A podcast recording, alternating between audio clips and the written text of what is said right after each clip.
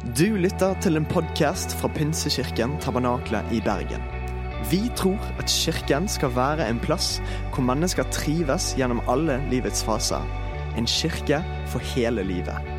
Ønsker du å bli bedre kjent med oss eller holde deg oppdatert? Besøk vår Facebook-side eller ptb.no. Her er ukens tale.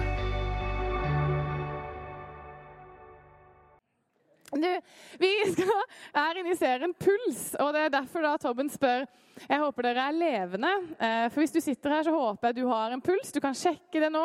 Bare ta og sjekke litt på handa, eller litt her. Sjekk om du har en god hvilepuls. Eh, det kan være greit å vite. Er det noen som har en sportsklokke her? Ja. Eh, og det jeg har hørt, da, at en fellesnevner for en sportsklokke Vet du hva det er for noe? Den kan måle pulsen din. Jeg vet det. Det er helt utrolig. Eh, og min kompis han har en sånn sportsklokke. Og han kan ganske mye om alle mulige sportsklokker, så hans sin er veldig fancy. Men hans sin er sånn at han måler da, og du må ha sånn belte rundt magen. Og han var ute og jogga. Eh, og han vet veldig godt hva som er pulsen hans. Så han er ute og jogger, og plutselig så begynner han å kjenne liksom, at pulsen begynner å gå opp. Så han bare Oi. Oi, det var litt ille. Oi, så han finner ut at eh, pulsen hans er så høy at han løper til legevakta og sier pulsen min bruker å være sånn, nå er den sånn, hva tenker dere? Og de la han rett inn på legevakta, og han ble innlagt på sykehuset med hjerteflimmer. Og jeg tenker jeg syns det er så fascinerende. Jeg bare løper legevakta sjøl, jeg. Eh, men jeg syns det er fascinerende at han vet veldig godt hva pulsen hans er. Og det tror jeg kanskje at er en av de viktigste tingene. At du vet hva din normale puls er, og hva som er en god puls. Noen ganger så trenger du ha en høy puls. Du trenger faktisk å bevege på det. Jeg mener det. Og Noen ganger så trenger du å ligge helt sånn stille i en seng og ha en hvilepuls. Men det er balansen av pulsen. Det å ha høy og lav puls er viktig for å ha et godt liv. Og Når vi skal leve sammen med Jesus, så trenger vi faktisk en god puls i vårt kristne liv. Vi trenger faktisk høy puls, og vi trenger lav puls. Og en av de tingene som Vi skal få snakke om neste, vi skal snakke om puls de neste ukene. Og en av de tingene som jeg tror vi trenger for en god puls, er faktisk nattverd. Og da ser du at jeg har dekt bord, eh, og jeg har tent lysene. Og jeg tror at nattverd er en sånn ting som Jesus har gitt oss for å sørge for at vi har en god puls i vårt liv. Er du med meg? All right. Den siste kvelden før Jesus dør på et kors, så velger Jesus å ha nattverd eller brødsbrytelse sammen med sine disipler. Og det her er en av de tingene som bare vi har feirer igjen og igjen og igjen. Men utfordringen er at det er blitt en ting vi gjør og ikke en ting vi vet hva egentlig handler om. Og det er egentlig det jeg har lyst til å snakke litt om. Jeg har lyst til å fortelle litt om Jeg gir deg et liksom, glimt av hva nattverd egentlig er. Dette brødet som blir brutt, og denne vinen som vi drikker. Hva er det egentlig? Kan ikke jeg be først? Jesus, jeg takker deg for at du har gitt oss noen ting som kan hjelpe oss. Og minne oss på hvem du er, og hva du har gjort for oss. Jeg bare ber om at de neste minuttene nå så skal du hjelpe oss til å plassere oss inn i denne historien. Plassere oss inn i eh, Plassere oss rett ansikt til ansikt med deg, Jesus. Og At vi får lov til å se hva dette bordet egentlig representerer. representerer hva dette brødet egentlig representerer, og hva dette blodet representerer. At du har gitt deg selv for oss. Hjelp oss å se det. La det bli stort for oss i kveld. I Jesu navn. Amen. Mitt første punkt er bordet. Velkommen til bords. Det er dekt. Ser du det? Jeg har gafler. Jeg har faktisk gjort det her sjøl. Det her er ekte brød. Det er litt tørt nå, men du ser det? Loff. Og så er det Lyset er tent, og det er egentlig litt sånn Velkommen til bords. Nå skulle jeg ha tent, satt opp et stort langbord eller et stort rundt bord, og så skulle du få lov til å sitte rundt det med gaffel og kniv og serviett på fanget. Eh, og jeg har lyst til å bare si at selv om dette bordet er litt lite, så har jeg lyst til å invitere deg til bords akkurat her og nå. Se for deg at du setter deg. Du kan få velge en krakk, eller du kan ta den hvite stolen, eller du kan ta den blå. Eh, og så setter du deg godt til bords, og så bruker du noen minutter sammen med meg nå. Og så skal vi spise litt sammen. Og Det er egentlig helt opp til deg om du tar imot innbydelsen Jesus gir til deg nå. Han sier, 'Vet du hva, har du lyst til å komme og sette deg til bords med meg?' Og om du velger å sette deg til bords eller ikke, det er egentlig opp til deg. Men hva om du tør å sette deg til bords i noen minutter nå med Jesus? Hva om du tør å ta plassen din? Kanskje er du her og du tror egentlig ikke så veldig mye på Jesus. Men hva om du setter deg til bords, i hvert fall? Og lar han få lov til å se deg rett i øynene. For rundt det bordet her så passer du faktisk inn. Du passer inn her, og det er en plass for deg. Hver eneste person som er her. Du er familie, enten du liker det eller ikke. Og jeg vet ikke med deg. I min familie så når vi har slekta som samles, så er det litt bråkete. Jeg vet ikke om du har en sånn familie. Jeg vet at noen har sånne skikkelig ordentlige familier. Min familie er ikke sånn. Det er sånn Rundt bordet her da, så er det litt sånn bråk, og så er det alltid noen du egentlig ikke hadde lyst til å sitte ved siden av. Og Broren min brukte alltid, eh, når bestefar levde, å sette meg på en måte, plassere meg ved siden av bestefar. Og Hvorfor jeg ikke ville sitte eh, ved siden av bestefar, det, tenke, det skal jeg fortelle deg nå. Det er faktisk fordi at bestefar brukte å dra ut gebisset og slå det litt i tallerkenen. Og det var bare så utrolig lite appetittlig på julaften å sitte ved siden av han, og han driver og drar ut ting ut ifra gebisset sitt. Og du bare tenker jeg ville ikke valgt å sitte ved siden av deg, eh, bestefar. Altså, glad i deg, men vær så snill. Altså, er det mulig? Og så er det alltid en eller annen 14 år gammel kusine ikke sant? som har kommet i en slags trassalder og begynt med sånn eyelineren. Du skjønner hva jeg mener? Og det svarte håret. og sånn Seriøst. Og så er det da en tante som syns du bruker feil gaffel. Eller vet du hva? Serviettene var ikke bretta ordentlig. Å ja, du skulle ha sittet med servietten her. Albuene ned fra bordet! ikke sant? Det er alltid noen som sier det. Og så er det da Bob på fem som er æsj. Kjenner du deg litt igjen? Bordet er litt kaotisk, og det er litt sånn at det er litt sånn rart, det der med familie. Det er veldig rart, for det er liksom en haug med forskjellige mennesker som på en eller annen måte ikke passer sammen, men som passer sammen. Og det er egentlig det vi er. Vi er en haug med forskjellige mennesker som egentlig ikke passer sammen, men som passer sammen fordi vi er av samme blod. Vi er av samme familie, og vi har ett fokus. For rundt dette bordet så sitter vi, og så sitter Jesus helt sentralt. Han sitter i midten av dette bordet. Vi kan få lov til å dele et kjærlighetsmåltid det er egentlig det det er, med Jesus.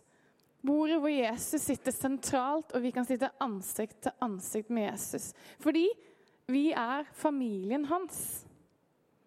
Og Når vi snakker om Jesus, om Jesus, faktisk, det er veldig bra, vi snakker om nattverd, så er vi vant til å lese en tekst. Jeg skal lese den for deg. Og Mest sannsynlig har du hørt den tusen ganger. Jeg skulle sagt at jeg hadde den på en eller annen fancy måte, men det har jeg ikke. Bare hør. I 1. Korinterne 11, 23-26. For jeg har mottatt fra Herren det jeg også har gitt videre til dere. I den natta Herren Jesus ble forrådt, tok han et brød, takket og brøt og sa, 'Dette er min kropp, som er for dere. Gjør dette til minne om meg.' Og På samme måte tok han begeret etter måltid og sa, 'Dette begeret er den nye pakt i mitt blod.' 'Og hver gang dere drikker av det, gjør det til minne om meg.' Og hver gang dere spiser dette brødet og drikker av begeret, forkynner dere Herrens død helt til han kommer igjen. Og vi ser for oss et perfekt bord. Jesus sitter der. Jeg ser for meg lange, altså på de der bildene så har han lange, lyse lokker. Litt skummel, blå øyne. Det er perfekt. Johannes ligger liksom inntil. Alle ser helt sånn perfekt ut. Er du ikke enig? Og så tenker vi at når de gjorde nattverd, ja, da var det ordentlig. Ikke sant? Men vi, vi, skjønner det kanskje ikke helt. og Vi tenker at det er, liksom, det er, det er skikkelig sånn Det er glorifisert, egentlig. Litt sånn som somrene var alltid varme før. Og litt sånn som at julaften var alltid fredfull. Litt sånn ser vi for oss dette bordet. Men kan vi ikke bare gå litt tilbake i denne teksten her? Så skal vi begynne å se litt av dramatikken i teksten. Er du med meg? Og Jeg skal prøve å lese det litt sånn som jeg tror Paulus hadde lest det. I 1. Korinterne 11, 17-23 så leser vi da, og han sier dette. Nå skal jeg prøve å OK. Nå, når jeg her gir dere mine påbud, er det én ting jeg ikke kan rose dere for. Dere samles på en måte som ikke er til nytte, men til skade. For det første hører jeg at det er splittelse blant dere når dere kommer sammen som menighet, og jeg tror det kan være noe i det. For det, det må vel være oppsplitting i grupper blant dere, så det kan bli klart hvem som holder i mål. Hører du sarkasmen? Når dere da kommer sammen og er samlet, er, ikke dere er det ikke Herrens måltid dere holder. For når dere spiser, holder hver og en av dere måltid for seg selv. Den ene er sulten, den andre drikker seg full. Har dere ikke hus, og dere kan spise og drikke hjemme? Eller forakter dere Guds menighet og lar dem som ikke har noe, sitte med skam? Hva skal jeg si til dette? Skal jeg rose dere? Nei, slikt kan jeg ikke gi ros, for jeg har mottatt fra Herren det jeg også har gitt videre til dere. Og så kommer det i den natt da Herren Jesus ble forrådt. Har du tenkt på det? Paulus slakter gjengen, rett og slett. Måten dere holder nattverd på, er latterlig. Skjønner dere ingenting? Dette er ikke ment å være en show-off. Det er ikke sånn at den som er finest, får sitte øverst her. Det er ikke sånn at det er noen grupperinger. De fattige sitter her, og de rike sitter her. De gode kristne sitter her, og de dårlige kristne sitter her. Nei, sånn er det ikke. Det Jesus gjorde når han inviterte til bords, var å si dette er begynnelsen på den store inkluderingen. Alle er velkommen til bords. Dette er et kjærlighetsmåltid. Dette bordet stiller alle helt likt. Det bordet gjør, er det hjelper oss å komme tilbake til kjernen, som er Jesus. Dette bordet hvor alle får den beste plassen. I en del malerier så portretteres det at Jesus sitter rundt et rundt bord. Og jeg tror det, altså. Jeg tror ikke det fantes firkanta bord før. Jeg tror det var alltid runde bord.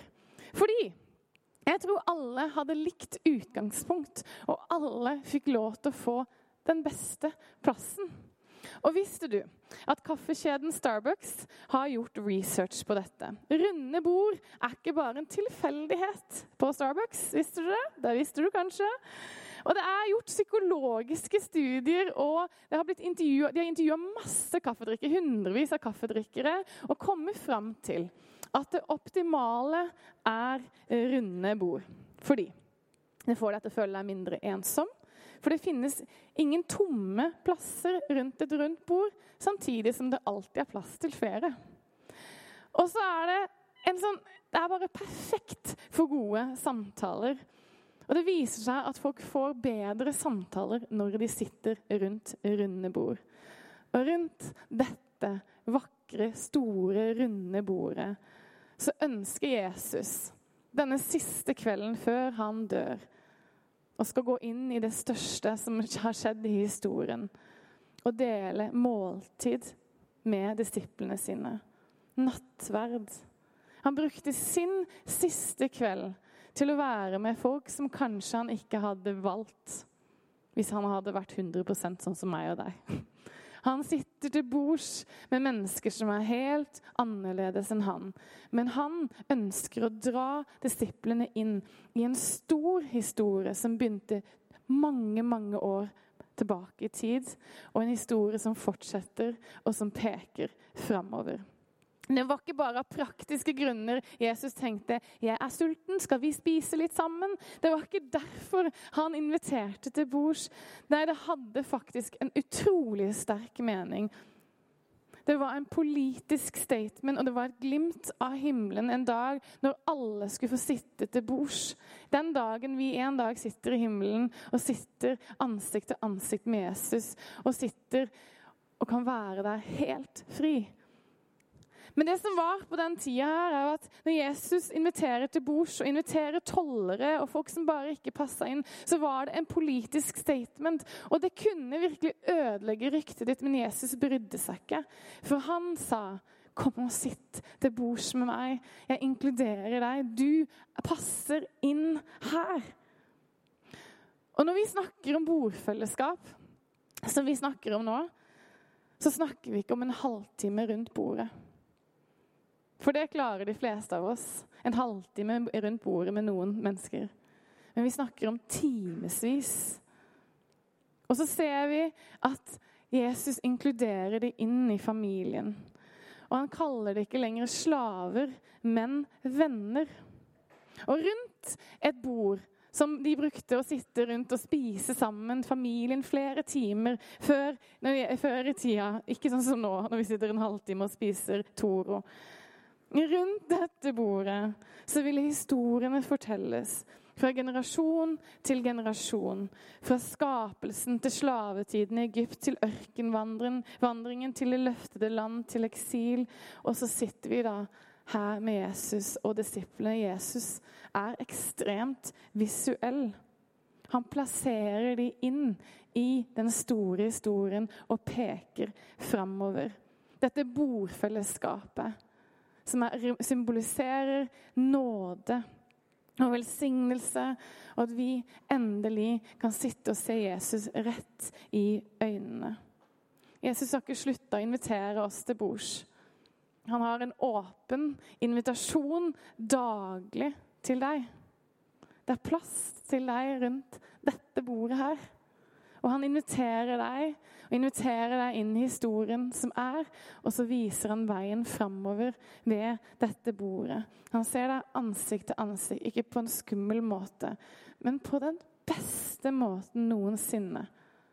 Han inviterer deg inn til fellesskap, til vennskap med han. Mitt andre punkt er brødet. Og Jeg beklager alle glutenallergikere, men brød er det beste som finnes på jord. Kan jeg høre liksom yeah. Det er liksom Hallo! Brød er så godt. Det er ingenting som ferskt brød som kommer ut av ovnen. ikke sant? Lukta av deilig brød. Gjerne litt sånn olje og salt dyppa. Å, det er så godt! Det er ingenting som er så nydelig som brød. Og Noen ganger lurer jeg på grunnen til at det var så mye brød etter brødundrene. var fordi det var så mange glutenallergikere, men jeg vet ikke. Det kan hende han fiksa det også under brødundrene. Men brød er utrolig deilig. Og Jesus kunne liksom ha bare eh, sentrert ting rundt brød fordi det er så godt. Eh, det skjønner jeg at han gjør. Ja, Han snakker ganske mye om brød, men brød, dette brødet er faktisk annerledes. Dette brødet forteller faktisk en lang historie. En Guds historie. Helt fra begynnelsen til det siste måltidet, hvor Jesus sitter med disiplene sine og sier dette er min kropp, som er gitt for dere. Og hver gang dere spiser av dette brødet, gjør det til minne om meg. Jesus løfter brødet, bryter det og gir det til disiplene sine. Endelig skulle de få lov til å få muligheten til å gå inn i det aller helligste. Som var bare for noen utvalgte. For det var sånn at det var inn i det aller helligste Det var bare noen få prester som fikk lov til å gå inn der. Og inn i det aller helligste så var det et bord med tolv skuebrød som representerte de tolv stammene og så kunne prestene etter en uke få gå inn og spise disse, disse, brødene etter en uke. Og det tenker jeg bare er ekkelt i grunn. Det er ikke dagsferskt brød i det hele tatt. Disse tolv skuebrødene lå der. Det var bare noen som fikk lov å gå inn i det aller helligste. Og så begynner Jesus å si Tiden for skuebrød er over.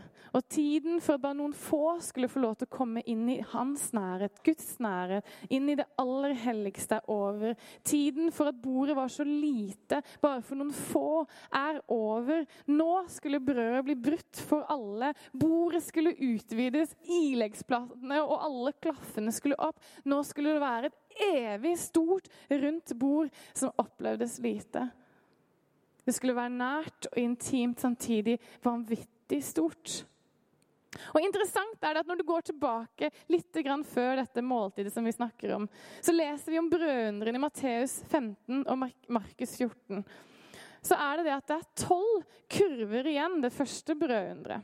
som representerer egentlig de tolv disiplene, eller stammene, hvis du har hørt om de. Og egentlig så er det utrolig interessant at det står faktisk det at det var tolv kurver igjen. Men det det egentlig noen sier det var, var at det var nok til å fylle de tolv lunsjboksene til disiplene. Og Så går vi videre til neste brødunder. For når de fylte de tolv lunsjboksene, så var det nesten bare jøder til stede. Men neste brødunder så fyller de opp syv kurver, som er mye større enn disse tolv lunsjboksene som var nok for de. Disse syv kurvene representerte noe som var mye større. Og Leser du godt inn i teksten, så finner du faktisk ut at det var de som ikke var jøder, som var hovedsakelig til stede.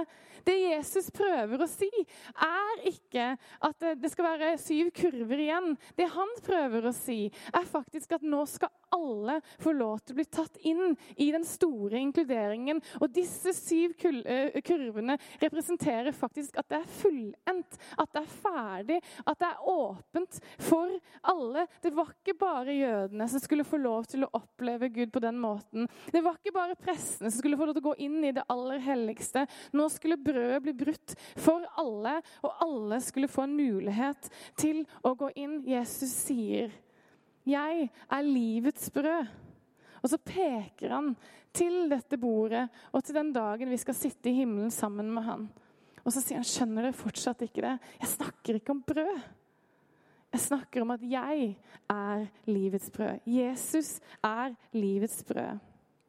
Jesus er så tydelig på denne siste kvelden at Guds rike nå, men ikke ennå, er nært. Og at alle skulle få muligheten til å sitte til bords. Innbydelsen er sendt ut med navn. Med både fornavn, og etternavn og adresse til alle. Nå skulle alle få lov til å få muligheten til å sitte til bords. Brød representerer at Jesus gir seg selv til oss. Nok for hver dag mer enn nok for hver dag. Han gir oss styrke for hver dag og sender oss ut med mer enn nok. Ikke bare tolv lunsjbokser, ikke bare syv kurver fulle. Han sender oss sånn at vi har mer enn nok. Og han sier, 'Kom hit og vær i mitt, i mitt, i nær, i mitt nærvær.' 'Kom og sitt ansikt til ansikt med meg.' Og så skal jeg gi deg mitt daglige brød. Så skal jeg gi deg det du trenger hver eneste dag dagsferskt brød. Vi må sette oss til bords med Jesus daglig. Og ta imot hans daglige brød, som symboliserer at han tok faktisk på seg all, ikke bare litt, men all vår synd og skam. Og så ga han oss og fortsetter å gi oss helbredelse, frihet og en ny start. Det er noe friskt, det er noe ferskt, det er noe deilig. Jesus gir seg selv, og hans nåde er ny hver eneste dag. Det tredje punkt er blodet. Og jeg, om, eh, jeg, vet ikke om du husker når du var liten, så var det noe som heter blodspakt. Er det noen som husker det? Du kutta deg på fingeren med bestevennen din, og så putta du sånn. Er det noen som har gjort det?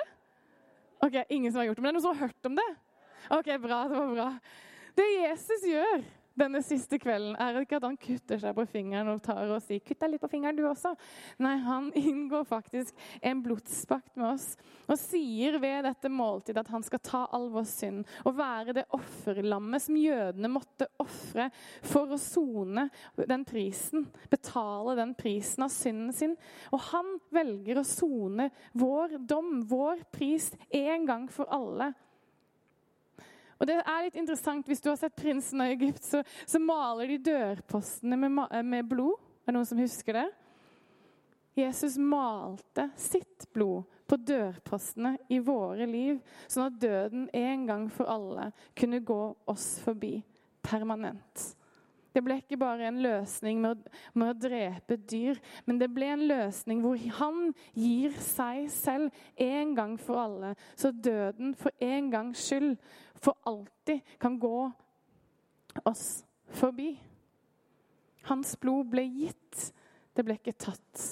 Det ble utøst av hans vilje, for hans kjærlighet var og er så stor. Jesus kom for å dø. Idet han satte seg ved det bordet denne siste kvelden, så viste han faktisk at han kom for å dø, for å sone vår dom, som egentlig var døden. Et liv vekke fra Gud og bringe oss inn i en blodspakt med Han, med Gud igjen. En pakt, en avtale som ikke ville brytes fra Guds side. Blodet det vasker vekk ondskapen som er i oss. Den vasker vekk ondskapen som skapes av oss og rundt oss. Og den vasker vekk de, de, eh, de indirekte konsekvensene av de tingene vi gjør som kanskje ikke er så bra. Det som er vår selvopptatt, de indirekte konsekvensene av det som kanskje vi gjør som vi tenker er best, men som ikke er så bra. Det vi igjen måtte gjøre igjen og igjen, var å, å, betale en pris. Men Jesus, han gjør alt for oss. En gang for alle. Sånn at vi slapp. Blodet representerer liv. Blodet representerer tilgivelse. Det er faktisk det eneste blodet som renser. Og på slutten så løfter, med måltidet så løfter Jesus det siste begeret det siste og fjerde begeret, som skulle minne om håpet, redningen. Jesus var Messias. For før i tida, når de delte påskemåltidet, så var det sånn at i alle hjem så sto det et beger som ikke ble rørt. Men denne dagen, den siste kvelden før Jesus skulle dø, så løfter han begeret og viser at han er den Messias, den redningen som alle har venta på. Og Så løfter han begeret og så sier han, dette begeret er den nye pakt i mitt, mitt blod, som ble utøst for mange, så syndene blir tilgitt. Han var og er redningen. Og Gjennom Jesu blod så er dødens makt overvunnet én gang for alle. Dette blodet forsegler faktisk denne pakten og gjør verket fullbrakt. Det er endelig, det er for alltid. Det er to streker under svaret. Det er det eneste gjeldende. Og min utfordring er til deg som kanskje er vant til å sette deg til bords, eller ikke så vant til å sette deg til bords. Hva om du daglig velger å sette deg til bords med Jesus og dele nattverd med han? I noen øyeblikk sette deg ansikt til ansikt med Jesus og ta imot det som han har gitt deg. Hva om du ikke lar kirken være det eneste stedet hvor du deler nattverd? Men når du er med vennene dine, så deler du nattverd. Når du er med familien din, så deler du nattverd. Når du sitter alene med Jesus, så kan du dele nattverd. La det få lov til å bli noe større, en del av livet ditt, en del av pulsen i ditt kristne liv. Og kanskje så tenker du eh, dette med nattverd, det er litt sånn rart for meg. Eller du tenker at jeg vet ikke helt hva jeg tenker om Jesus. Kanskje føler du at du har gått litt vekk fra Jesus, eller du gjorde noen ting som, som du bare Jeg vet ikke. Vil Jesus elske meg for det? Men det som er så godt å vite, er at det Jesus gjorde en gang for alle, det er godt nok. Og han inviterer deg til bords. Og det André sa sist uke, var helt fantastisk. Han sa det. Hva gjør du når du har mista noe? Da går du tilbake til det stedet du fant det sist. Og kanskje så kan bordet få lov til å daglig være et sånt sted hvor du kan få lov til å finne det igjen. Finne Jesu nærvær, finne fellesskapet med Jesus, finne tilgivelsen. Og så kan du bli sendt ut til en ny dag. Vi kan sitte ansikt til ansikt frimodig pga. det Jesus har gjort. Ikke pga. hva vi kan, men pga. hvem han er. Dette bordet og dette brødet og det blodet, symbolisert ved vinen, er en fysisk handling som hjelper oss å minnes og plassere oss selv i den store historien og ta plass i Guds sin familie. Dette evige, store, runde, rause bordet fylt med deilig mat føles faktisk veldig lite og nært, selv om det er plass til alle. Det er intimt, det er nærhet, det er fellesskap. Og Hver gang vi deler nattverd, så forteller vi Jesus sin historie. Og så peker vi på at han kommer tilbake, og at vi skal en dag sitte ved et festmåltid som er stort og flott, sammen med alle som vi er glad i. Når du har det bra, sett deg ved bordet. Når du har det greit, sett deg ved bordet.